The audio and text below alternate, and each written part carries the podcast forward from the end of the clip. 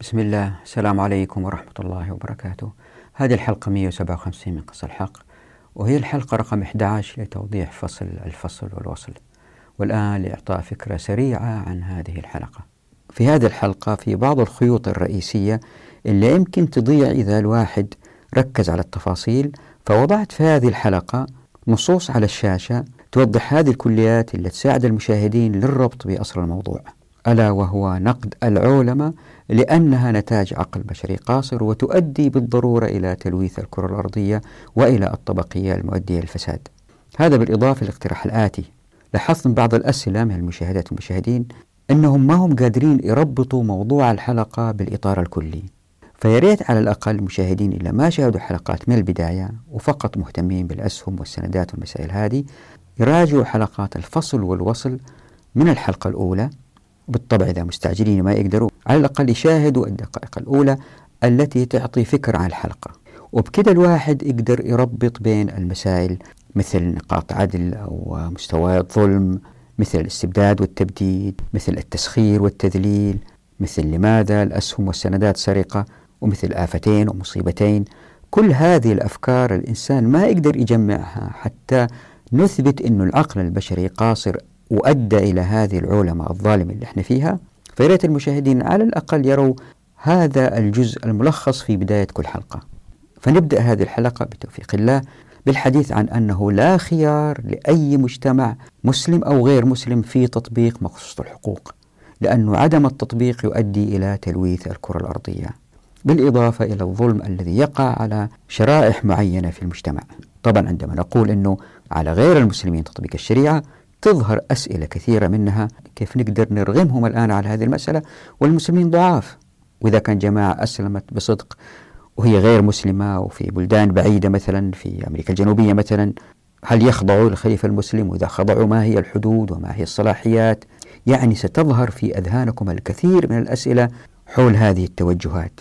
ستأتي عليها الإجابة إن شاء الله في فصل الحكم لكن هدف هذا الفصل اللي هو الفصل والوصل عشان نثبت أنه العقل البشري القاصر أدى إلى شبك الناس في الوقت اللي لازم يفصل بينهم حتى تزداد الإنتاجية أدى إلى شبكهم وهذا الشبك أدى إلى التلويث والرذيلة واللي هي سميناها عولمة ظالمة. تذكروا أن الشريعة تسعى لإيجاد عولمة عادلة حتى ينتشر الإسلام. فنستمر لإكمال الحلقة الماضية عن علاقة المسلمين بغير المسلمين. فأقرأ نص لسيد سابق الله يرحمه واللي هو في كتابه فقه السنة عن حقوق غير المسلمين عندما يعيشوا بين المسلمين كأقليات. طبعا يمكن أي واحد يقول ليش أخترت هذا النص؟ ما أخترت نص آخر من عالم آخر. النصوص كثيرة وأنا اخترت هذا النص لأنه واضح وبسيط وسهل. وطبعا في اختلافات كثيرة في أقوال الفقهاء في هذه المسألة.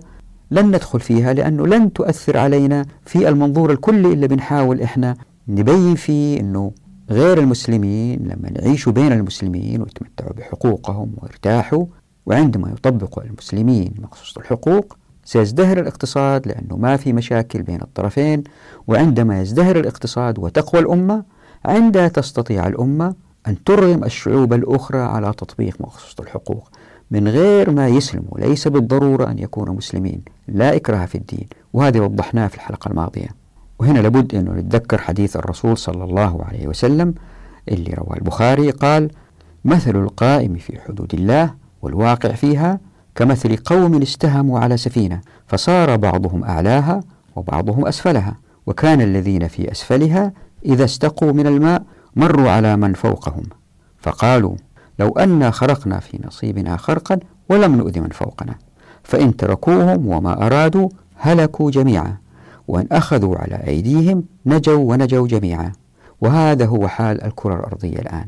هم في مكانهم في العالم الغربي بيخرقوا السفينة. دورنا نوقف هذا الخرق حتى لا تغرق الكرة الأرضية في التلويث. بعد كده أبين أن العلماء الظالمة لها ثلاث صفات. الأولى هي المزيد من الفقراء الثانية هي المزيد من تلويث الأرض الثالثة هي المزيد من النكسات المالية. بعد كده أشرح أهم مفاهيم العولمة من خلال أبحاث الغربيين ثم بعد ذلك أوضح الآراء الثلاثة حول متى بدأت العولمة بعد مناقشة هذه المسألة نثير مسألة هل العولمة الحالية هي المحطة الأخيرة في تطور البشرية أم أن البشرية ستأتي بمحطة أخرى ما بعد العولمة فنشرح فكرة جبل التقدم وهي فكرة يستخدمها الباحثين في العالم الغربي لتوضيح أن البشر في مراحل مختلفة من تسلق جبل فالعولمة هي قمة أو تحت شوية من قمة الجبل. بعض شعوب وصلت للقمة بعض شعوب في طريقها للوصول للقمة. وطبعا اتهم المسلمين أنهم شعوب لا تريد تسلق هذا الجبل بل تريد طريق آخر للوصول للقمة. بعد كده أشرح أنه علماء الاجتماع والسياسة والاقتصاد في العالم الغربي تفاجؤوا بظهور العلماء. يعني هم ما خططوا لها هي ظهرت من غير علمهم. بالتالي الآن بيدرسوا هي كيف ظهرت. وطبعا اختلفت تأويلاتهم في فهم العلماء. فنمر على أقوال بعض علماء الغرب في توضيح ماهية العلماء مثل روبرتسون اللي ينظر للعلاقات بين الأفراد والمجتمع القومي والحكومات والنظام الدولي ويدرس العلاقات بالانتمائية. بعد كده ننتقد روبرتسون من منظور قص الحق ثم نمر على نقد عالم الاجتماع كافوليس الذي انتقد روبرتسون. ومن هذا النقد ننتقل إلى فكرة أن أقوال روبرتسون تضع الفرشة للنظر للعولمة على أنها صراع بين الأفراد والمؤسسات. والإثبات هذا ننظر إلى مسألة جذور العولمة. فنختار الباحث الإنجليزي جيدنز في علم الاجتماع وهو مشهور جدا. والتي تظهر دراساته أن العولمة من مبدئها متأصلة في القيم التسلطية العدائية طبعا الباحثين الذين ناقشوا هذه المسائل كثر لكن هذا من أشهرهم إن لم يكن أشهرهم. لذلك ركزت عليه. وطبعا لماذا نستشف التسلطية والعدائية من أفكار جيدنز؟ مسألة لن أخاطر بتوضيحها هنا. لابد من مشاهدة الحلقة للمهتمين. بعد كده أبين أنه للعلماء أربع صفات مؤسسية تسحب لتهميش البشر وتدمير الأرض. بعد كده أوضح فكرة مشهورة لباحث اسمه ماك لاهونست واللي قال أنه نقدر نفهم التطور البشري اللي وصلنا للعلماء من خلال فهم خاصية الزمان والمكان. وهذه أيضا المهتمين لابد يشاهدوا الحلقة حتى يقفوا على تفاصيلها فأبين أن هذه الفكرة المبنية لتفسير العولمة من خلال الزمان والمكان تنتهي بتدمير الأعراف وإلى ظهور علاقات مستحدثة تؤدي إلى تغيير الحقوق باستخدام العقل البشري القاصر ما يؤدي إلى تلويث الأرض وانتشار الفساد. وحتى نوضح هذه المسألة بخاصية الزمان والمكان وإيجادها إلى علاقات حقوقية مستحدثة نأخذ ظهور الكهرباء كمثال وكيف الآن يتم توزيعها من الشركات اللي بتنتجها للمساكن.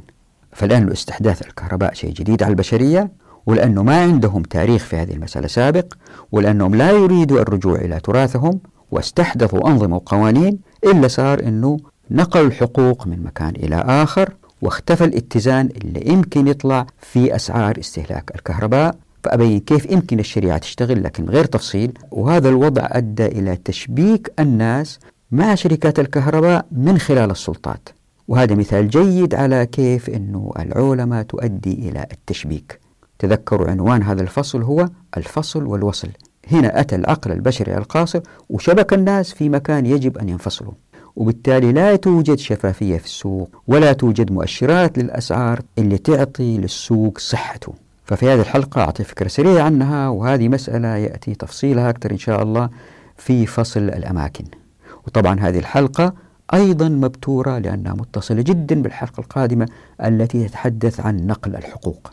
فأنا مضطر لهذا البتر للحلقات لأن الموضوع طويل ويأخذ ساعات أطول. والآن إلى التوضيح. إذا تتذكروا في الحلقة الماضية وقفنا عند الجدل وأنه إحنا كمسلمين مطلوب مننا أنه ندعو غير المسلمين نجادلهم بالتي أحسن حتى يسلموا. الآن فرضا ما يبغوا الإسلام إيش اللي يصير؟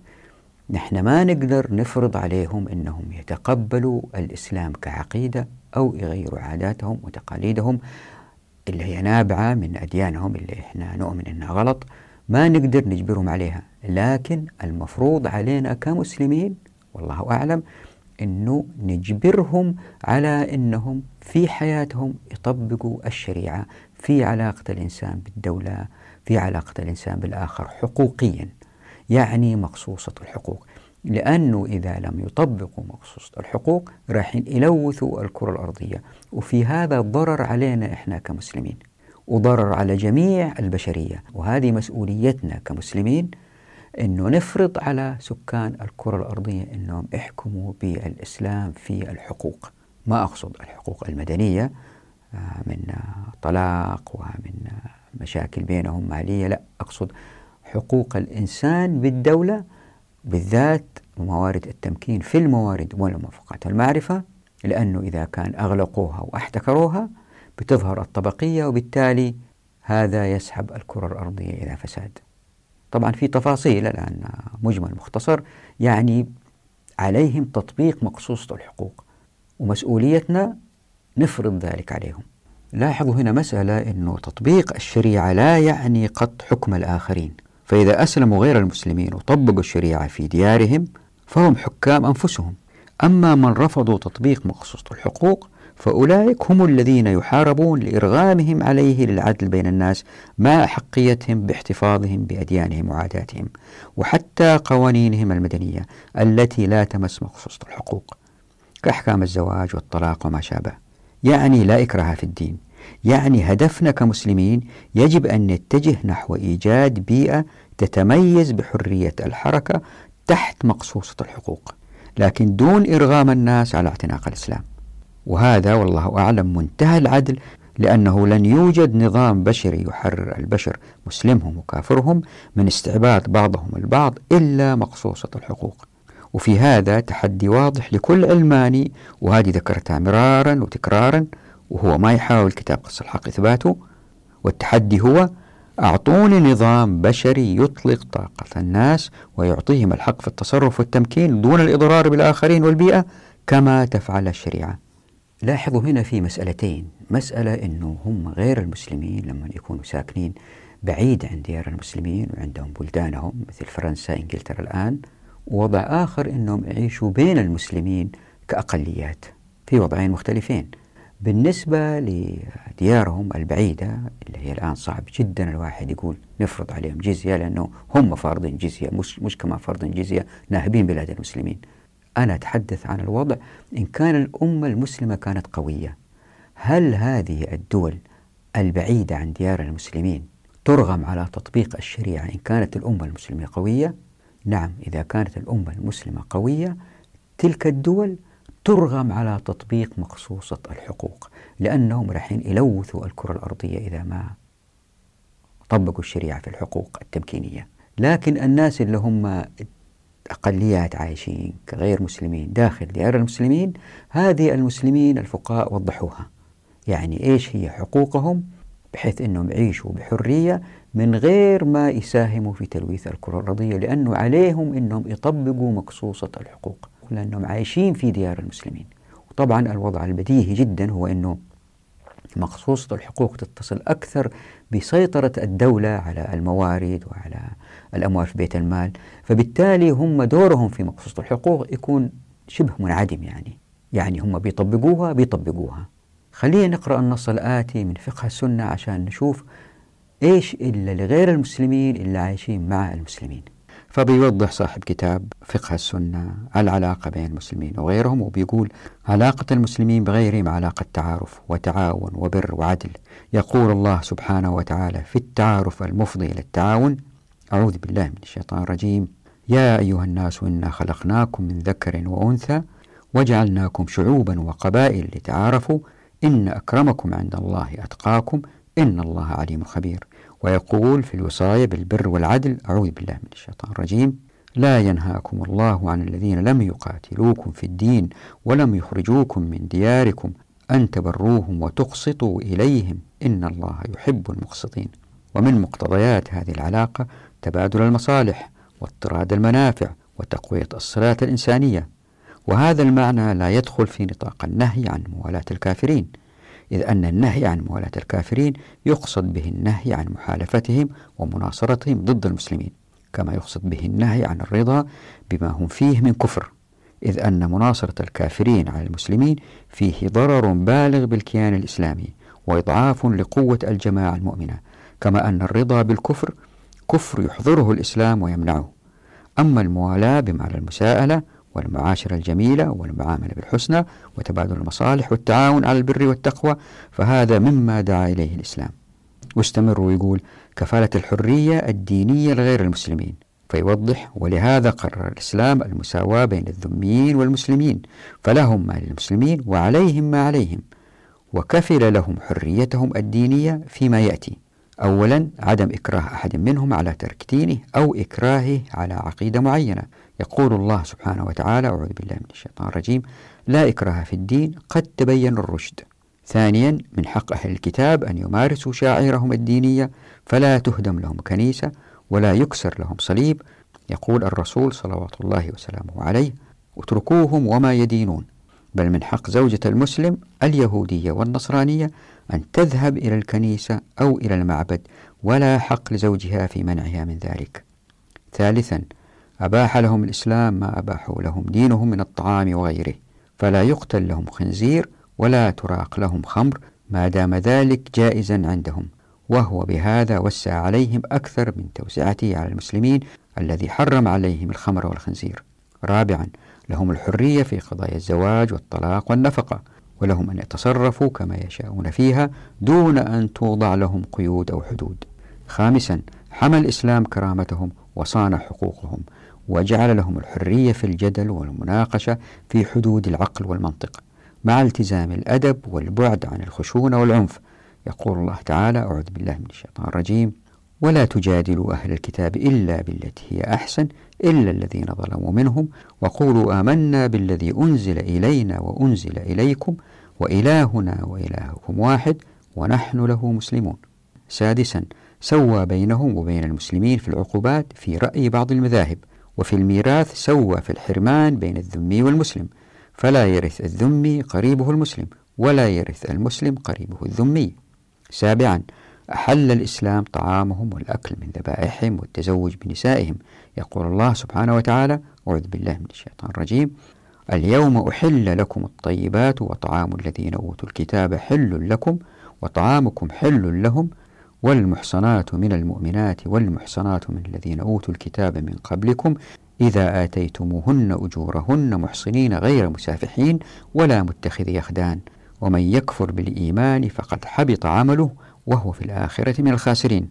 ثامنا أباح الإسلام زيارتهم وعيادة مرضاهم وتقديم الهدايا لهم ومبادلتهم بالبيع والشراء ونحو ذلك من المعاملات. فمن الثابت أن الرسول صلى الله عليه وسلم مات ودرعه مرهون عند يهودي في دين عليه. وكان بعض الصحابة إذا ذبح شاة يقول لخادمه ابدأ بجارنا اليهودي. يعني غير المسلمين اللي يعيشوا بين المسلمين بالتأكيد بيعيشوا تحت مظلة مخصوصة الحقوق وبالتالي يساهموا أيضا في آه، المزيد من المنتجات والازدهار الاقتصادي وهم ماخذين راحتهم في دينهم. وفي الوقت ذاته المسلمين لأنهم بيطبقوا الشريعة عايشين في ازدهار اقتصادي من غير تلويث الكرة الأرضية ومن غير فساد أخلاقي بين المسلمين بين بعض. وعندها بالتدريج تظهر العولمة التي تريدها الشريعة وتصبح الأمة قوية وعزيزة عندها تقدر تجبر الشعوب الأخرى على تبني مقصوصة الحقوق وإلا راح يلوثوا الكرة الأرضية. مسألة نحاربهم ما نحاربهم يدفعوا الجزية ولا لا؟ هذا موضوع آخر. خلينا نتركه الآن. لكن في وضعنا الحالي الآن المسلمين ضعاف مقارنة فيهم. دورنا الآن نجتهد معاهم ونحاول نقنعهم بالمنطق الاقتصادي اللي هم يتبنوه ويرضوا فيه إنه أنتم بتدمروا الكرة الأرضية. شوفوا إذا كان طبقتوا الشريعة بفتح وبالتمكين في الموارد والموافقات والمعرفة. وبالتأكيد الناس الفقراء والناس متوسطي الدخل راح يعجبهم هذا الكلام وأنا جربت هذا مع ناس كثير. أشرح لهم ويقتنعوا من العالم الغربي من غير المسلمين.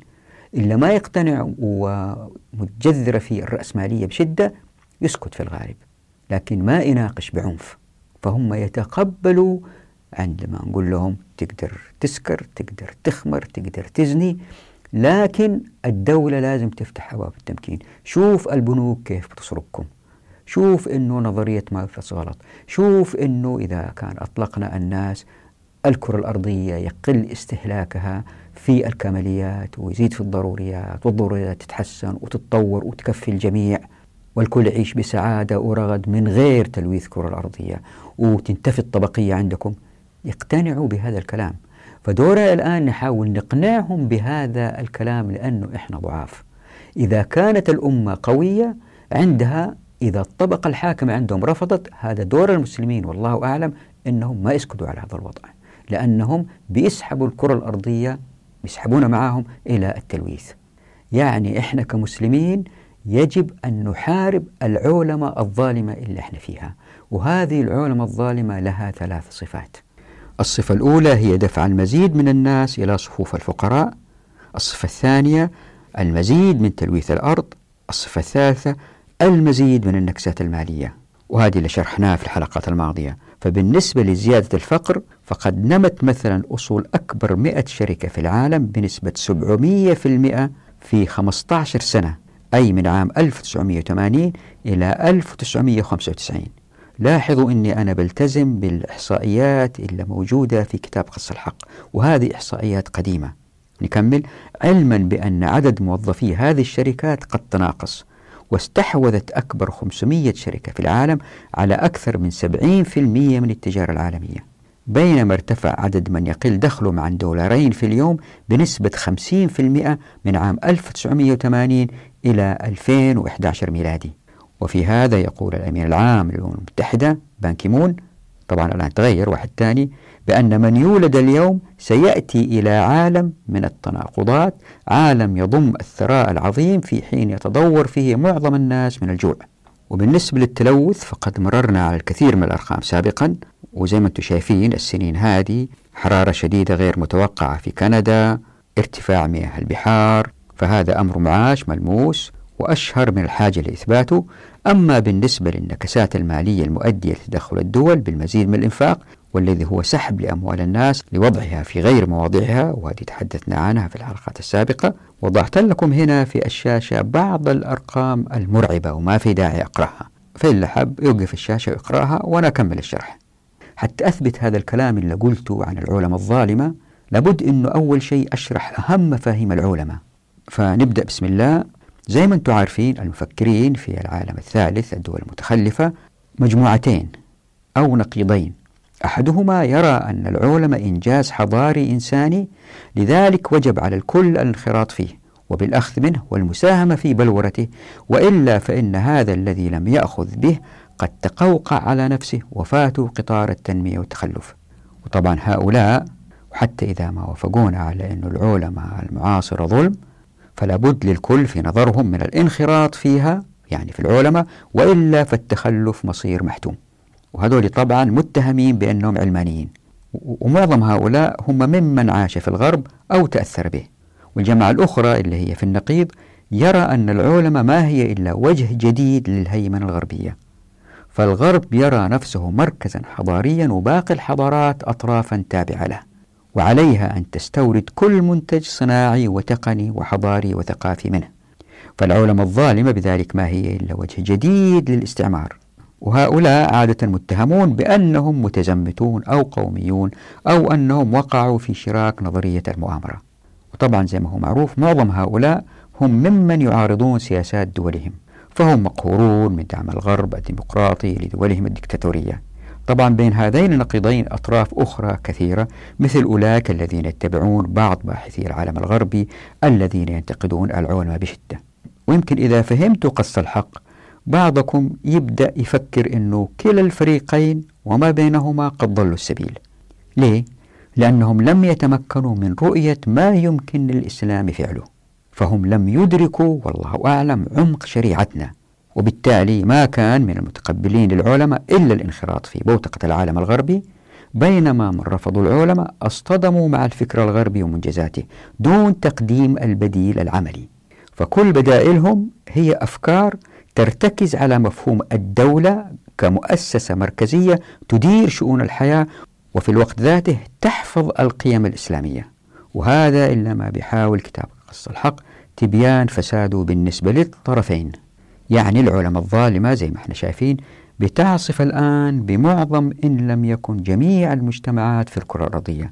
فهي أساسا منظومة اقتصادية منبثقة من الرأسمالية وأثرت في المنظومات الأخرى كالثقافية والاجتماعية والصناعية. لذلك يجب أن نفهم أولا ما هي العلماء الظالمة وكيف أتت. ويمكن الإجابة الأوفى تأتي من باحثي العالم الغربي نفسه اللي هم أنتقدوا العلماء. طبعا بالتأكيد وكلكم عارفين وهذه ما فيها أي نقاش أن العولمة هي نتاج غربي محض. يعني ما أتت من الهند أو من البرازيل أو من روسيا. لا هي نتاج غربي محض.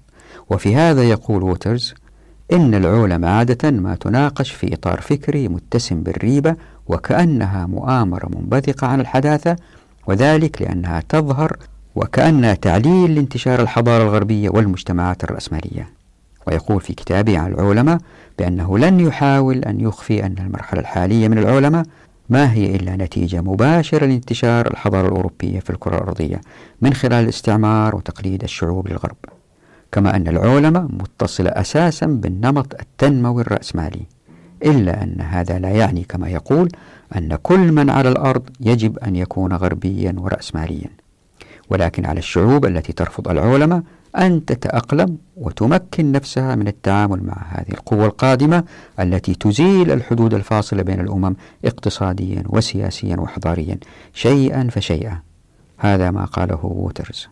وبالنسبة لي أنا وبالتأكيد إذا أنتم مقتنعين بالإسلام كدين وبمقصد الحقوق أيضا بالنسبة لكم العولمة هي نفق بيسحب البشرية إلى التلويث الكرة الأرضية. يمكن واحد يقول ويتعجب كيف تقول نفق والعولمة بتطلق الحريات والناس بينطلقوا في كل مكان.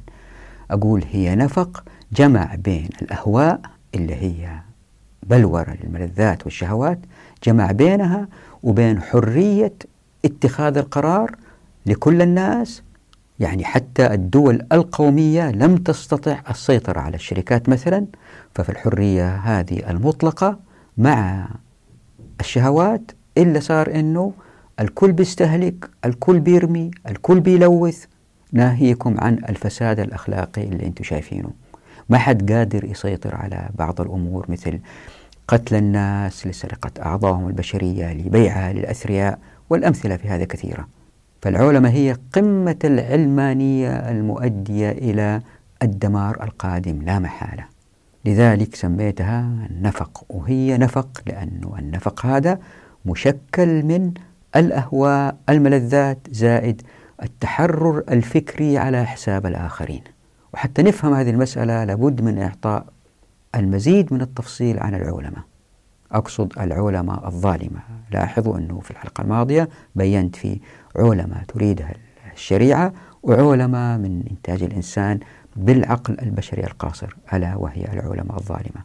حتى نفهم الموضوع لابد أنه نجيب على سؤال. متى بدأت العولمة؟ عشان إذا عرفنا متى بدأت وكيف بدأت الواحد يمكن يتعامل معها هناك ثلاثة آراء لمتى بدأت العولمة. رأي يقول بأنها بدأت مع التاريخ البشري وأن التطور الإنساني الحادث ما هو إلا محطات للوصول للعولمة الحالية. لكن سرعة الوصول للعولمة بدأت في الازدياد في نهاية القرن الميلادي الماضي. الآن إذا إحنا اتفقنا مع هذا الرأي وكأننا نوافق على أن وجود البشر على الأرض شر لابد أن ينتهي بكارثة الفساد. والرأي الثاني يقول أن العولمة هو تطور حتمي للرأسمالية. وإذا اتفقنا مع هذا الرأي فكأننا نوافق على أن البشر كائنات مجردة من الإنسانية وتسعى للربح وللتلذذ المادي وإلا لما ظهرت العلماء والرأي الثالث يرى أن العلماء ظاهرة بشرية مستحدثة وملازمة لآليات اجتماعية مثل ما بعد الحداثة وما بعد التصنيع. وإذا اتفقنا مع هذا الرأي كأننا نوافق على أن الإشكالية هي فيما بعد الحداثة وما بعد التصنيع من تقليعات وأن النظم البشرية ما قبل الحداثة بريئة من زرع بذرة الفساد. وأن البشرية كان بإمكانها تلافي الانحراف الذي أدى للعلماء لأنها لم تكن منحرفة قبل العلماء. وبالطبع فإن الرأي الصائب كما أحاول أثبت في هذا الكتاب هو أن العلماء الظالمة بدأت مع الخروج عن حكم الله عز وجل. يعني ما نوافق على جميع هذه الآراء الثلاثة إلا قالوا فيها الباحثين. وأن هذه العلماء الظالمة تزداد سعيرا مع ازدياد البعد عن الحكم بغير ما أنزل الله العليم الحكيم. تذكروا ما مر بنا في قوله تعالى أعوذ بالله من الشيطان الرجيم. ظهر الفساد في البر والبحر بما كسبت أيدي الناس ليذيقهم بعض الذي عملوا لعلهم يرجعون. وهذه الآية وضحناها إذا تتذكروا في الحديث عن القيم والنظم والمعرفة في فصل القذف بالغيب وبغض النظر عن هذه الاختلافات في الآراء لكن في اتفاق بين الباحثين على أنه العولمة هي أحد المحطات الأخيرة إن لم تكن المحطة الأخيرة في تطور البشرية في الحياة برغد على الكرة الأرضية. فهم يروا أنه هذا مصير حتمي لجميع الشعوب حتى المتخلفة إنما هي مسألة وقت. لذلك كتاب فوكوياما عن نهاية التاريخ أخذ شهرة كبيرة لأنه بيقنعهم أنه البشرية وصلت إلى قمة الحضارة بالديمقراطية اللي فيها الآن. وطبعا هذه فيها إشكالية فكرية. ليه؟ لأنه هم بكده بيرفضوا الأخذ بالأديان. طيب إذا رفضتوا الأخذ بالأديان إيش الحل؟ ترجعوا للعقل البشري. طيب العقل البشري من طبيعته أنه يطور ويحدث. إذا أنتم هنا بتعطلوا العقل البشري وبتقولوا أنه العلماء هي محطة أخيرة العلماء الحالية هي محطة أخيرة للبشرية. يعني خلينا نعطل العقل من البحث عن محطات قادمة تأتي. وهذه مشكلة فكرية واقعين فيها مأزق أنت تؤمن بالعقلانية وفي نفس الوقت تقول العقل وصل لأقصى حاجة ممكنة خلاص خلينا نرضى فيها. وفي الآن كتابات مثل مايكل سانديل هذا الأستاذ المشهور في هارفارد أنه لا اللي صاير أنه مجتمعاتنا الآن اللي أعطت قيمة مالية لكل شيء أوجدت مجتمعات فيها ناس فوق طبقة عليا. بيدعوا أنه ما وصلوا إليه هو بجدارتهم وما بيعترفوا بالإنجازات البشرية الموجودة اللي استفادوا منها حتى يصلوا. هذه يمكن نخصص لها حلقة لأنها بدأت تبين مثل هذه الأفكار أنه العالم الغربي بدأ ينتبه أنه العولمة اللي وصلوا لها هي عولمة ظالمة. هم بيصيحوا من حيث تلوث من حيث ظلم من بس ما هم عارفين الطريق كيف يروحوا. فنرجع للموضوع بتشبيه الأمم كلها كأمم في مراحل وستصل يوم من الأيام إلى العولمة فهي بتتقدم من خلال محطات. ووضحوا هذه الفكرة بفكرة معروفة اسمها جبل التقدم أو Mount Progress ألا وهي أنه نظروا إلى الحضارات ووصول الحضارة إلى القمة كأنه جبل. والجبل هذا في أفراد بتسلقوا والأفراد هؤلاء هم الأمم. وبعض هؤلاء الأفراد عندهم مهارة عالية عندهم عزيمة عالية. عندهم أدوات كويسة للوصول للقمة وهدول وصلوا للقمة. ألا وهي الدول الغربية وصلوا للقمة. بينما الشعوب الأخرى لا تزال في السفح في السهل تحت لأنه يمكن ما عندها المهارة اللازمة للصعود ولا عندها العزيمة للصعود ولا عندها الأدوات اللي تساعدها للصعود. وأنه هؤلاء اللي وصلوا فوق يمكن يساعدوا بعض اللي تحت مثلا يرموا لهم حبال عشان يطلعوا مثلا أو يعطوهم بعض الخبرة يدرسوهم يعلموهم حتى يطلعوا. فهي تعتمد على هذه الشعوب اللي فوق اللي وصلت كيف تساعد هذه الشعوب عشان تصعد. أنه في شعوب أخرى أيضا غبية رافضة المساعدة هذه من هؤلاء وتريد أن تشق طريقها لوحدها حتى تصل للقمة مثل العالم الإسلامي مثلا إلا يرفضوا الأفكار الرأسمالية. فهؤلاء لا يريدوا الأخذ بالمساعدة من هؤلاء اللي وصلوا وبالتالي رايحين يحاولوا طرق مختلفة وتخبطوا ورايحين يطيحوا تاني للسهل. يرجعوا للسهل يعني يطيحوا يعني يقع بالحجازي. لذلك ظهرت عندهم المؤسسات والدوائر التي تحاول مساعدة الدول النامية بتدريب مسؤولينهم بدورات عن التنمية وما إلى ذلك حتى ينصحوهم كيف استخدموا الحبال صح واستخدموا الفؤوس صح واستخدموا كل شيء حتى يوصلوا فوق إلى القمة مثلهم.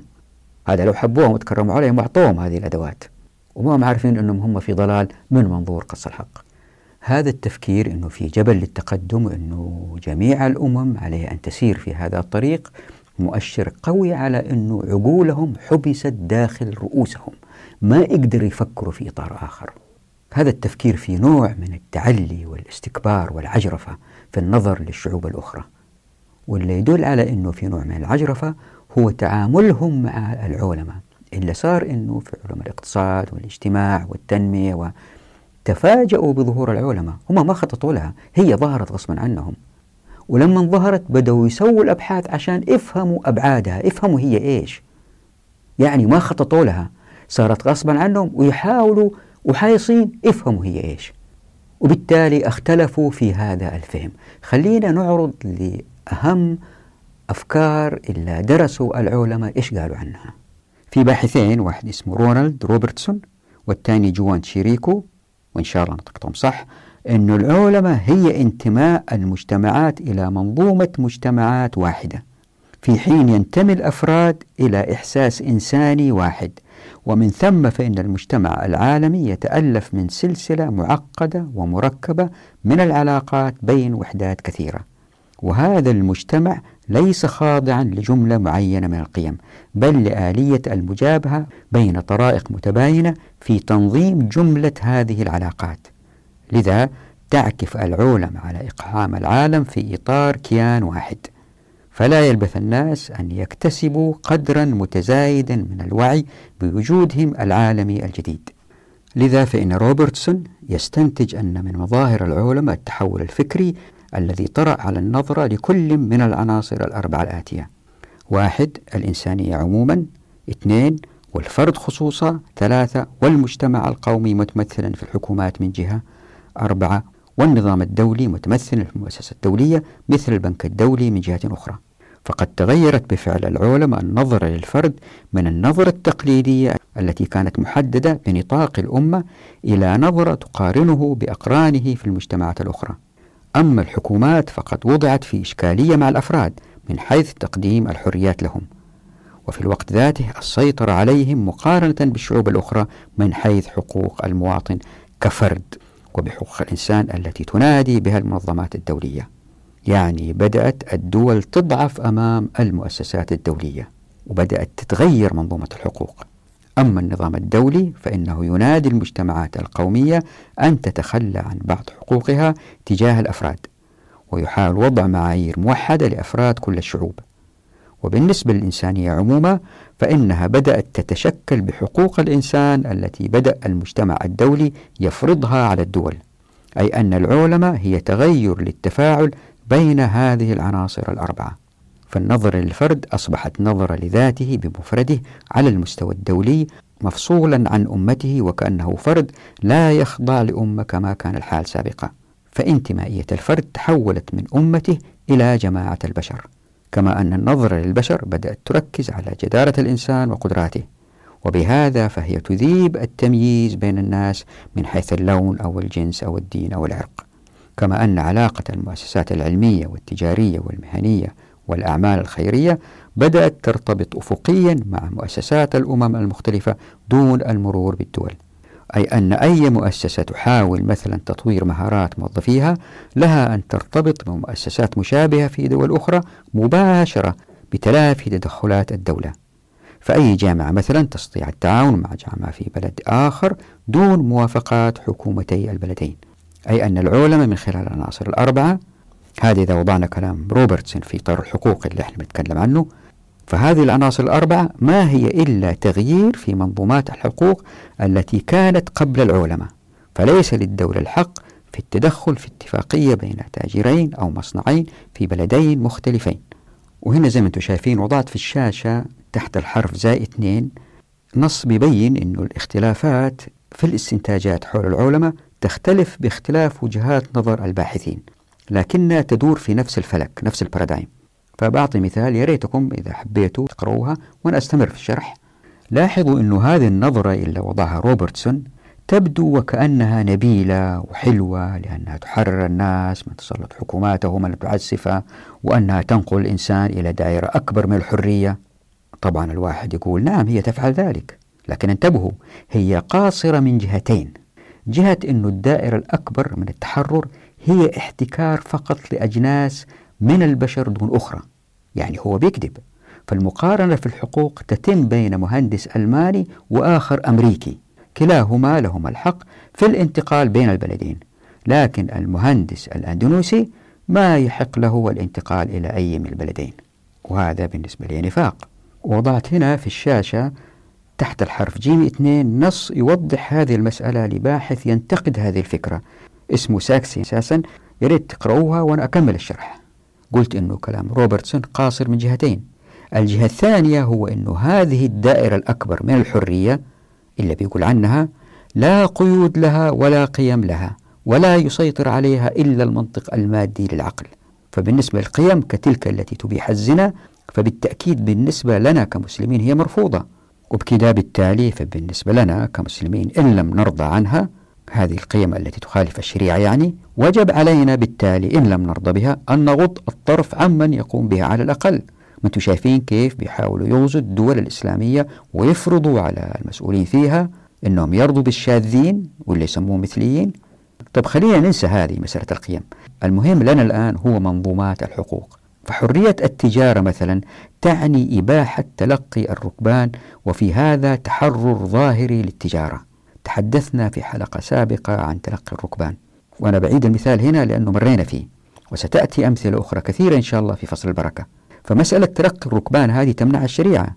فإذا قررنا هذه المسألة بما تفعل العلماء من حيث حقوق نستنتج أن العلماء الحالية بالعقل البشري القاصر هي ظالمة بغض النظر عن القيم. فهذا التحرر الظاهري يؤدي للفساد بالتأكيد. فالحركيات اللي وضعتها الشريعة هي حقوق إذا ما طبقناها وقيدنا بعض الحريات لبعض الأفراد اللي تبدو ظاهريا تقييد واللي هي تقييد قد يضر الأكثرية ستؤدي إلى تقييد حريات السواد الأعظم وبالتالي الطبقية والفساد. وهذا مما لم تراه نظريات الغربيين لأنهم لا يعلمون الغيب. هنا في مسألة لازم ننتبه لها. حرية فرد أو جماعة قد تعني أحيانا تقييد آخرين أو الإضرار بهم. وهذا ظلم والأمثلة في هذا كثيرة. حرية الطالب بكثرة الحركة في الصف ستكون على حساب تركيز زملائه. وحرية مسؤول البلدية باتخاذ قرار إجازة فتح محطة وقود راح يكون على حساب السكان المجاورين اللي تضرروا. وهكذا لابد وأن يكون للحرية إطار كما هو ثابت. والإطار في الحقوق لا يعلم الأصلح منه للبشر زي ما بحاول أثبت في هذا الكتاب إلا الله سبحانه وتعالى العليم الحكيم عالم الغيب والشهادة. لذلك في بداية كتاب قص الحق في الحلقة الأولى بينت أهمية علم الغيب لمن يضع الحقوق للبشر عشان يعيشوا في هذه الأرض بازدهار. وما يعلم الغيب إلا الله سبحانه وتعالى. لكن هذه النظرة لروبرتسون نقدها عالم الاجتماع كافوليس. كافوليس هذا يرى أن هذه النظرة التي وضعها روبرتسون هي منهج غربي في التفكير وهذا المنهج يضع الأديان في موضع ثانوي في دراسة الحضارات وفهمها. عشان يثبت مقولته كافوليس يأخذ الإسلام كمثال ويشير إلى أنه دين يشكل ثقافة الشعوب الإسلامية لأنه يحدد قيم الأفراد وبالتالي تصرفاتهم.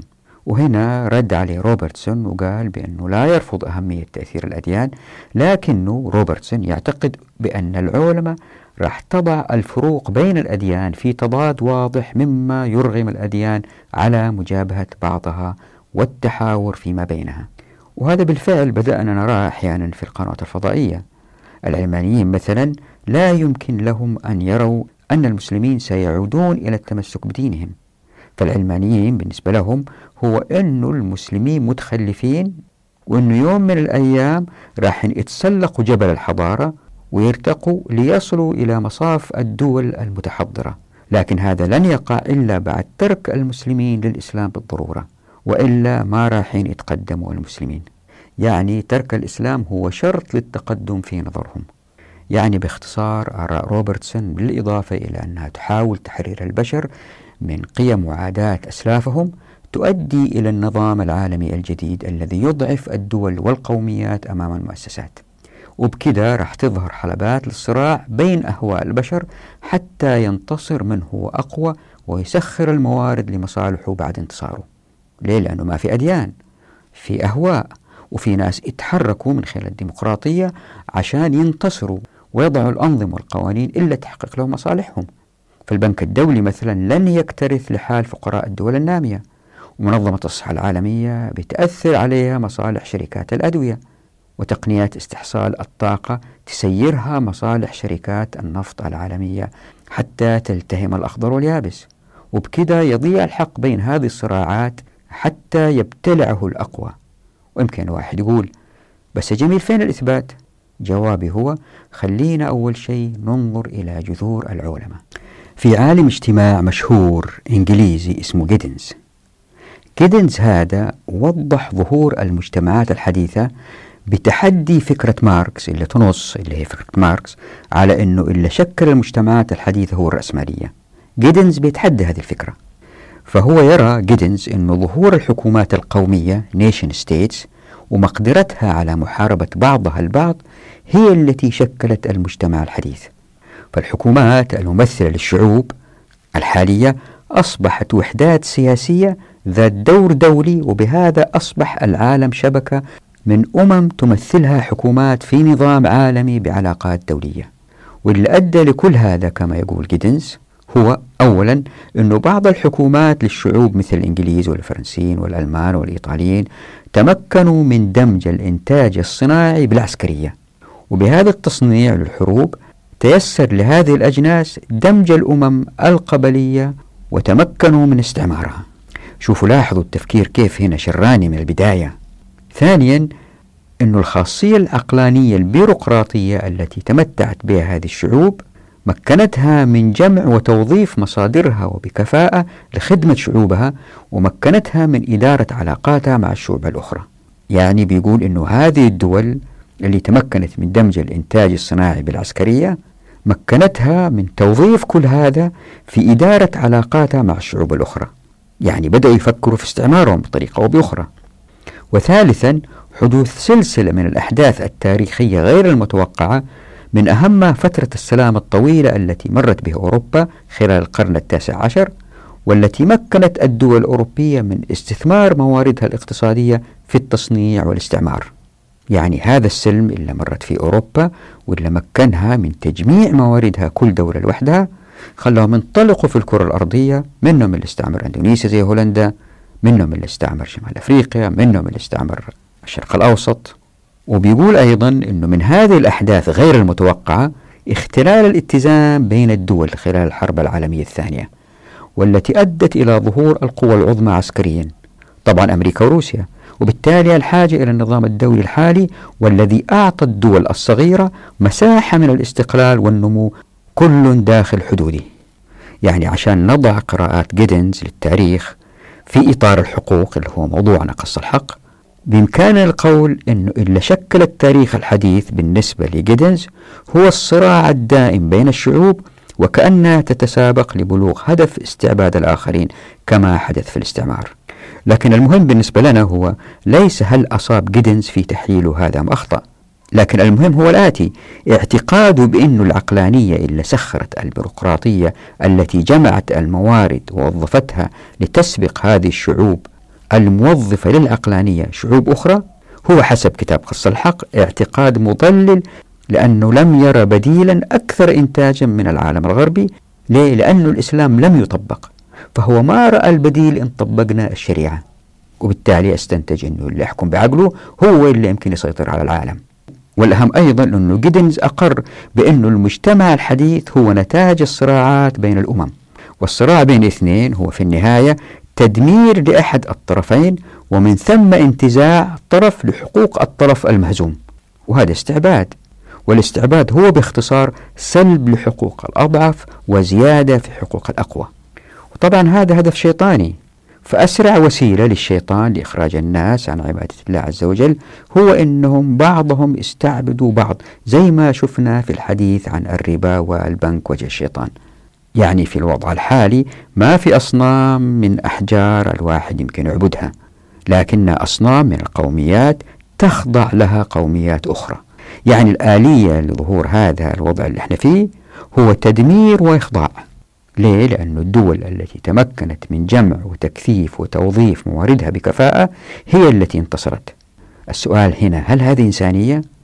يعني جيدنز بهذا التحليل وكأنه ضمنيا يفكك آلية استعباد الآخرين وبطريقة يعتقد أنها علمية وأنها تؤدي للتطور طيب حتى أثبت هذا الكلام خلينا ننظر للآتي في كتاباته جيدنز يحاول أن أربط بين العولمة وظهور المجتمعات الحديثة وبالذات في كتاباته المتأخرة.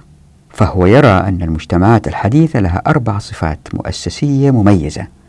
الأولى هي أن الحداثة تعني رأسمالية الإنتاج والتي تتطلب علاقات اجتماعية بين أصحاب رؤوس الأموال وبين من لا يملكون المال إلا أنهم يبيعون خدماتهم مقابل الأجر. يعني السؤال هنا إذا أنتم معايا في قصة الحق من البداية وشايفين فتح أبواب التمكين في الموارد والمعرفة وشايفين اللي تحدثنا عنه في فصل الشركة. الواحد يسأل هل هذه الإنتاجية من خلال التسخير؟ تذكروا تحدثنا عن التسخير والتذليل.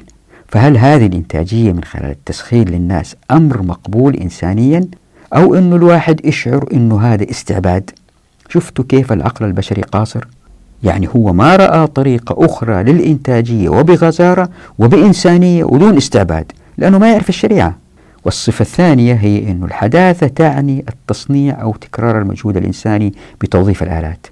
وهذا يتطلب التنسيق بين نشاطات أفراد مختلفين لهدف الوصول لمنتجات مادية. وهذه مسألة يمكن دحضها كيف؟ زي ما هو معروف أن المصانع تحوي في العادة أجهزة ومعدات وآلات. وبالطبع هذه الآلات هي أيضا من صنع رأسمالية الإنتاج لكن في مواقع أخرى. يعني هذه الصفة الأولى التي تتطلب علاقات بين أصحاب رؤوس الأموال والمستأجرين هي التي تؤدي أيضا لظهور هذه الآلات التي توضع في المصانع. ولأن النمط الإنتاجي الطاغي في المجتمع هو نمط رأسمالي مبني على تسخير الأجراء فإن هذه الآلات عادة ما تصمم بطريقة تصف العمال وكأنهم آلات أخرى إلا أنها أكثر ذكاء. يعني بدل ما نحط آلات نحط أوادم في بعض المصانع اللي يتطلب فيها ذكاء يمكن الروبوت أو الجهاز يخطئ فيها. فنرى السيارات تخرج من المصنع بعد المرور على عمال كل واحد منهم يتقن عمل كان يقوم فيه محدد ويكرروا مئات أو ألاف المرات. كل يوم كل يوم كل يوم. هذا العامل يركب المقود ذاك يربطه بالشبكة والثالث يجربه. وبكده يتحول التصنيع لعمل يقتل إبداعية الإنسان. وهنا في مسألة يمكن يثيرها في حلقات قادمة بدأت تظهر في السنوات الأخيرة هو أنه مع تطور الآلة وقيامها بالكثير من الأعمال البشرية بتستغني عن الأيدي العاملة. فبيظهر عندهم الآن سؤال في العالم الغربي. في ناس مولودين وبيكبروا وما لهم شغل في المجتمع لأنه الإنتاج يكفي. كيف نوزع عليهم الموارد؟ بمقدار ما أبوه يملك ولا بمقدار شهادته ولا بمقدار عطائه وهذه صعب بقياسها لأنه هو جالس ما بيعطي. هل نأخذ عطاؤه في الفكر وفي الموسيقى والأدب ولا محتارين في هذا السؤال؟ أظن هذه مسألة يبغى لها حلقة. والواحد يمكن يستكمل النقد ويقول أنه هذا التحول للتخصص في الأداء في العمل ويخلي ناس يقوموا ببعض الأعمال مرارا وتكرارا من غير ما يشاركوا في التطوير يؤدي إلى وضع أن المبدع هو المصمم لهذه الآلة أو المصمم للمصنع أو المصمم للمنتج. وبهذا التخصص الذي يفصل المصمم عن العامل تضمحل التجربة في عموم المجتمع وهذا يؤثر في التقدم المعرفي. وهذه مسألة وضحتها في مقالة بعنوان براءة الإسلام من براءة الاختراع رابطها في صندوق الوصف أسفل الشاشة. طيب يمكن واحد ما شاف الحلقة الماضية؟ ويقول لي بس يا أخي هذا مؤخرا مع شركة تويوتا للسيارات التي أوجدت انقلابا جذريا في المناخ الإنتاجي من خلال ما يعرف ب lean production هذه المسألة مرينا عليها سابقا لكن يأتي تفصيلها إن شاء الله في فصل المعرفة. لكن باختصار فالمسألة نسبية فشركة تويوتا لا تزال تصنع أجزاء سيارتها لدى مصانع أخرى تقوم بالشيء ذاته. يعني تقزيم الإنسان من كائن يبدع ويفكر ويتفاعل مع ما ينتجه ويستمتع بعمله إلى مجرد آلة وكأنها صماء وهذا لن يحدث مع تطبيق الشريعة. يا ريتكم ترجعوا لفصل الشركة وتتذكروا توضيح عبارة أكبر تجمع الأفراد كشركاء دون بيروقراطيات تذكر. والصفتين الثالثة والرابعة للمجتمعات الحديثة هما عن التسلط وهما مرتبطان بفكرته أي جيدنز عن ظهور الحكومات القومية وتشبهان ما تذمر منها الفرنسي فوكو. فالصفة الثالثة لجيدنز هي مقدرة الدولة على تجميع معلومات مجردة عن السكان ووضعهم في سلم هرمي لمراقبتهم. والصفة الرابعة هي مركزية السيطرة على العنف في مجتمع صناعي عسكري. وبكده سيطرة الدول على السكان وحركاتهم ونشاطاتهم. طبعا هذه الفكرة مرفوضة من كثير من الباحثين لأنه بدأت الآن في العالم الغربي حركات ترفض هذه السيطرة. وأنا اللي أعتقد أنه سيأتي يوم من الأيام في الصين اللي هي الآن الدولة مسيطرة على كل حركات الشعب سيأتي جيل سيرفض هذا تماما لأن الحرية غريزة الله سبحانه وتعالى غرزها في الإنسان. ستتغير الأجيال وبالتدريج تفلت الأمور. وهذا الذي حدث في الاتحاد السوفيتي عندما أنهار. الشعوب رفضت القهر اللي هي فيه. وبالتدريج انفلتت من قبضة الحكومة المركزية. ويمكن الواحد أيضا يناقش ويقول أنه أفكار جيدنز من سيطرة الدولة على الناس أمر واقع معاش في الغرب برغم اعتقاد الناس أنهم أحرار فهم أحرار سلوكيا لهم الحق في الزنا والسكر مثلا. أما اقتصاديا فهم مكبلون تماما مقارنة بالإسلام. لذا فإن العجب كل العجب أن يقبل جيدنز بهذين الوضعين المتناقضين. ألا وهما اجتماع سيطرة الدولة على الناس من جهة والتقدم الحضاري بسبب الإبداعات البشرية من جهة أخرى لأن العولمة كهدف ماضون إليه بالنسبة له تعد إنجازا بشريا. طبعا منطقيا هذا الجمع لن يتحقق لأن التقييد والإبداع لا يجتمعان إلا إن كان المجتمع في نظره آلة كبيرة تعمل أجزاءها بأوامر مصمميها بإتقان. كل جزء من الآلة أو كل فرد في المجتمع مسير غير مخير. وبالتالي عليه العمل باجتهاد وإتقان برغم الحرية السلوكية اللي يتمتع فيها. وزي ما شفنا في الاشتراكية هذا محال لكن لأنه الشريعة لم تطبق وما شفنا منجزات الشريعة إن طبقت كما نزلت على الرسول صلى الله عليه وسلم. يعني ما في شيء اسمه ديوان ما في دولة عندها بيت مال مكنوز بالأموال لا الأموال في أيدي الناس. عندما يمكن أن نقارن بين العلماء المعاصرة وما يمكن الإسلام أن يقدمه. يعني هذا الاستنتاج اللي وصل له جيدنز ما حصل إلا لأنه لم يرى البديل الإنساني الإسلامي الذي يؤدي لإنتاجية مرتفعة بجودة أعلى ودون تقييد الأفراد. يعني اللي صاير في الصين الآن أنه الناس الدولة مسيطرة عليهم تماما مشابه اللي صاير في العالم الغربي إذا قرنا الاثنين بالإسلام. يعني الصين والعالم الغربي متقاربين جدا لأنه الأبواب مغلقة في الموارد والموافقات والمعرفة. لأن هذه الأبواب الثلاثة مغلقة في الحضارتين برغم الفارق الكبير بينهم إذا قارنا بالإسلام نجد أنهم الاثنين هم نفس الشيء. الفرق أنه في العالم الغربي الناس يقدروا يبدوا آرائهم السياسية يقدروا يغيروا نظام الحكم يقدروا ينتخبوا وما إلى ذلك زي ما أنتم عارفين لكن الشعبين مستعبدين. وهذا ما يرفض الإسلام. الإسلام يريد تحرير البشر حتى إن لم يكونوا مسلمين.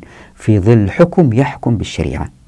وزي ما هو معروف أيضا جيدنز أستعان بفكرة ماكلوهان ست عن فصل الزمان والمكان لتوضيح العولمة وهذه الفكرة تدور حول الآتي أن الزمان والمكان كانوا شيئين ملتصقين لموقع الفرد في مجتمعات ما قبل الحداثة. واللي صار أنه مع الحداثة بدأوا الزمان والمكان ينفصلوا فقبل الحداثة نشاطات الإنسان وقتيا كانت مرتبطة بالتغيرات الزمانية يوميا وفصليا. فالظهور كزمان كانت له نشاطات تختلف عن الصبح كإطعام البهائم في الصباح مثلا. وكذلك الشتاء له نشاطات إنتاجية تختلف عن الصيف. ففي الصيف مثلا كانوا يجففوا الفواكه لخزنها للشتاء. ونفس الشيء المكان. فقد كانت نشاطات الإنسان ترتبط بموقع عمله أو منزله. يعني هو كان يزرع في مزرعته أو يرعى بالقرب من قريته. وبكذا وبالتدريج ومع ظهور الساعة الميكانيكية في القرن الثامن عشر بدأت عولمة الوقت. ثم أتت عولمة المكان من خلال الخرائط الجغرافية بعد الاكتشافات الجغرافية مثل رأس الرجاء الصالح. وبكذا بدأت النشاطات الإنسانية في الخروج من حيزها المكاني والزماني الضيق لترتبط اقتصاديا واجتماعيا بمناطق أخرى أبعد فالمصنع مثلا له فروع للتوزيع في مدن أخرى بالإضافة لهذه الاستعانة بالزمان والمكان اللي أخذها من ماكلوهان ست جيدنز بيستعين بآليتين يرى بأنهما حررت المجتمعات أكثر. الأولى هي الوحدات الرمزية كالنقود فالنقود تحمل المجهودات من مكان لآخر وبكذا أتمكن الناس من إيجاد علاقات اجتماعية عبر الزمان والمكان دون تقييد. الآلية الثانية هي منظومة الخبرة المتراكمة سواء عند الأفراد أو في الكتب أو في السجلات ونحوها. فالخبراء هم أفراد يملكون المعرفة وينتقلون بها من مكان لآخر. هاتين الآليتين كلاهما زي ما هو معروف تتضمنان الثقة. فالكل يثق بالنقد ويثق بالمعرفة أو بأهل الخبرة في الأداء. لكن هذه الثقة لا تعني الاتكال. فمن ميزات الحداثة مثلا التأكد من المعلومات. فمجتمع الحداثة هو مجتمع ذو خاصية انعكاسية أو مرآوية ريفلكسيف أي أن أفراد المجتمع الحديث دائمو التمحيص ليتأكدوا من أي معلومة مهما صورت وذلك بمراجعتها. فعلاقات المجتمع الحديث بين الأفراد والمؤسسات والشركات مبنية على المد الدائم من المعلومات اللي يتم تمحيصها واختبارها مرارا وتكرارا. فالفرد يدرك المخاطر لذلك تجده دائما البحث عن دقة المعلومة وصحتها. طبعا هذه إذا فيها صفقات وعقود وليس كما هو حادث في صفحات الفيسبوك وتويتر.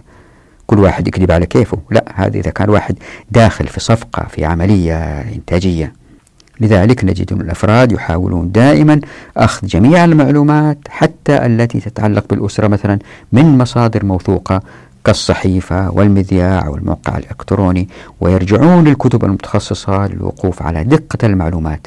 وليس كالأفراد في المجتمعات ما قبل الصناعية اللي كانوا يتقبلوا المعلومات ممن هم أكبر منهم سنا أو من العادات والقيم السائدة. يعني الأعراف بدأت تنتفي لأنه قبل الحداثة كان الكل يتبع اللي كانوا يسووا الآخرين وما يسأل كثيرا لأنه بيمشي على عادات الكل مشي عليها قبله في السابق. سواء كان هذا في العلاقة الاجتماعية أو في حرث الأرض أو في حلب البقرة فكانوا يكرروا اللي سووه اللي قبلهم لأنهم واثقين اللي سووه قبلهم صح. وبكذا يرى جيدنز أن العولمة وما بعد الحداثة ما هي إلا تطور مباشر الحداثة التي تعتمد على العقلانية المؤدية للمادية والرأسمالية. يعني هذا اللي ذكرته من أفكار تعني تمكين المجتمعات لاستحداث علاقات مع جهات أبعد للمزيد من الكسب. وبكذا تتشابك المجتمعات اقتصاديا واجتماعيا ومعلوماتيا. فما يحدث في مجتمع ما يعكس ما يحدث في مناطق أخرى من العالم لتشابك العلاقات الاجتماعية والاقتصادية برغم بعد المسافات. فهذه هي العولمة. فمزرعة الماشية في أستراليا بشرق الأرض قد تنتج صوفا لمصنع في أمريكا الجنوبية والذي قد يخفض إنتاج الملابس الصوفية لارتفاع أسعار النفط في الشرق الأوسط. وهذا سيؤثر طبعا على موزع الملابس الذي قد يملك فروعا في أوروبا. وهكذا تتشابك المصالح والمصانع والمؤسسات. عشان كده جيدنز يصر على أن العولمة المعاصرة هي استمرار للحداثة. لذا فبالنسبة له فإن ما بعد الحداثة وضع لم تصل إليه البشرية بعد لأنه يعني الكمال أو المدينة المثالية أو الفاضلة. وهذا وضع تكون فيه البشرية قد حلت فيه جميع مشاكلها. فهو يرى أنه عندها الكل مثلا يشارك في الحكم من خلال نظام متعدد المستويات السياسية وانعدام التسليح بين البشر واقتصاد لا ينضب وتقنية تتسم بإنسانيتها أي أن البشر ماضون قدما للعولمة وطبعا زي ما أنتم عارفين الناس اللي خاضوا في مسألة العولمة كثيرين جدا والواحد ما راح ينتهي إذا حاول يناقش جميع أفكارهم وبالتالي نبتعد عن موضوع كتاب قص الحق. لذلك أنا ركزت على واحد ألا وهو جيدنز لأنه هو من أشهر الناس اللي يعتدوا برأيهم العلمانيين. في واحد آخر نأتي عليه هو ينتقد العلماء أيضا والرأسمالية بالذات هو ديفيد هارفي. ويمكن اليوم نخصص حلقة أو حلقتين للحديث عن هؤلاء اللي ظهروا بعدين بعد ما كتبت هذه الصفحات في كتاب قص الحق. فحتى ألخص إلى ذهب إليه علم الاقتصاد هذا جيدنز في إطار الحقوق نلحظ بالنسبة له أن منظومة الحقوق كانت تتغير بتغير الزمان والمكان. فكل ما تمكن الإنسان من الزمان ومن المكان تتغير مع منظومة الحقوق. فبتقلص الزمان والمكان وبفعل التقنية ظهرت علاقات مع أناس أبعد بحقوق مبتكرة من العقل البشري القاصر. وهذا كما أنا أحاول أن أثبت يؤدي إلى المزيد من الفساد. وهذا هو بيت القصيد أي أن العولمة ستسحب البشر من خلال الحقوق المستحدثة من العقل البشري القاصر إلى الفساد. طيب يمكن واحد يسأل يقول هذا جميل أكبر يدعي أن هذه العلاقات المستحدثة أدت وستؤدي لعلاقات حقوقية مبتكرة من العقل البشري القاصر كيف يثبت هذا؟ الجواب هو الآتي كل علاقة مستحدثة وبالذات الاقتصادية منها تعني استحداث في منظومة حقوقهم لأنهم لا يكترثون للاستقاء من تراثهم الحقوقي حتى وإن وجد ولأنهم يلجأوا للعقل البشري مباشرة لإيجاد منظومة حقوقية تخدم الوضع المستحدث ظهرت المنظومات الجديدة وهذا ليس كالشريعة التي أتت مكتملة في مقصوصة الحقوق. فالتطور التقني الذي مكن البعض دون الآخرين أدى في الدولة المعاصرة إلى استحداث الحقوق. خلينا نأخذ مثال. بعد اكتشاف ومن ثم توظيف الكهرباء لخدمة السكان ظهرت شركات التوليد الكهرباء وتوزيعها زي ما هو معروف. ولأنه ما عندهم نصوص حقوقية للتعامل مع هذا الاستحداث وما عندهم تراث للتعامل مع الكهرباء لأنها تقنية مبتكرة استحدثوا منظومة لحفظ حقوق السكان والمستثمرين في بيع الكهرباء. وزي ما هو معروف الشركة التي تستولد وتبيع الطاقة لها حفر الطرق لوضع الكيبلات وذلك بعد موافقات الجهات المختصة في السلطات. وطبعا زي ما هو معروف لا حق الامتياز في التوزيع والبيع بالسعر اللي تحدده والذي ستحاول السلطات خفضه وذلك تحت ضغط المستهلكين. يعني عندنا المستهلكين يحاولوا يخفضوا السعر وعندنا شركة تحاول تنتج وتحاول تكسب وعندنا الدولة بتحاول تنظيم الصراع بين الطرفين. وبكده تظهر حلبة للصراع بين المستهلكين والشركة وتكون السلطات هي الفاصل فيها. فأما أنه تفرض على الشركة أسعار مجحفة لأن حجة السلطات أنها مكنت الشركة من وضع التوصيلات في أماكن عامة دون رسوم أو حتى برسوم رمزية وهذا يزعج ملاك هذه الشركات وبالتالي الاستثمارات الأخرى مستقبلا في مناطق أخرى يمكن يعزف عنا المستثمرين. فلا تظهر مثل هذه الشركات.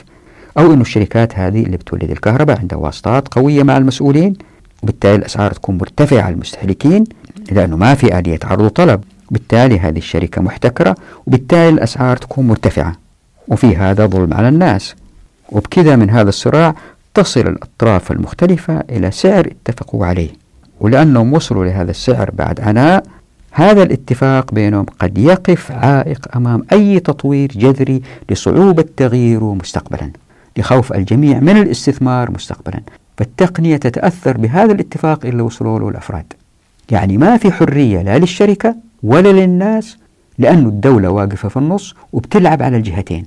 ويمكن تستخدم توصيل الكهرباء كأداة سياسية للاستمرار في الحكم أو لضرب الطرف الآخر إذا كانوا هؤلاء معارضين الحكومة يعني البيروقراطية المنهكة أدت إلى تجميد التقنية إلى حد كبير مع هدر عمال برغم أننا لا نرى هذا التجميد ولا نرى هذا الهدر. بل نعتقد أن صناعة الكهرباء في تقدم لما نراه من إنجازات لأنه لا بدائل أخرى أمامنا لنراها كتلك التي كانت ستظهر إن طبقنا مقصود الحقوق. طبعا هذه المسألة الأخيرة الفكرة الأخيرة يمكن ما تكون اقتنعت فيها لكن لابد نأجل الحلقة القادمة لأن موضوع طويل يتحدث عن نقل الحقوق. في الحلقة القادمة إن شاء الله نتحدث عن نقل الحقوق. عندها إن شاء الله تتأكدوا من هذه المسألة اللي أثرتها كمثال لتوضيح الفشل اللي واقع في العولمة. فياريتكم تنتظروا إلى الحلقة القادمة. صبركم علي هو موضوع طويل وحتى الحلقة القادمة راح تكون نوعا ما طويلة لأنه موضوع نقل الحقوق هو موضوع طويل. نراكم على خير في أمان الله ودعواتكم.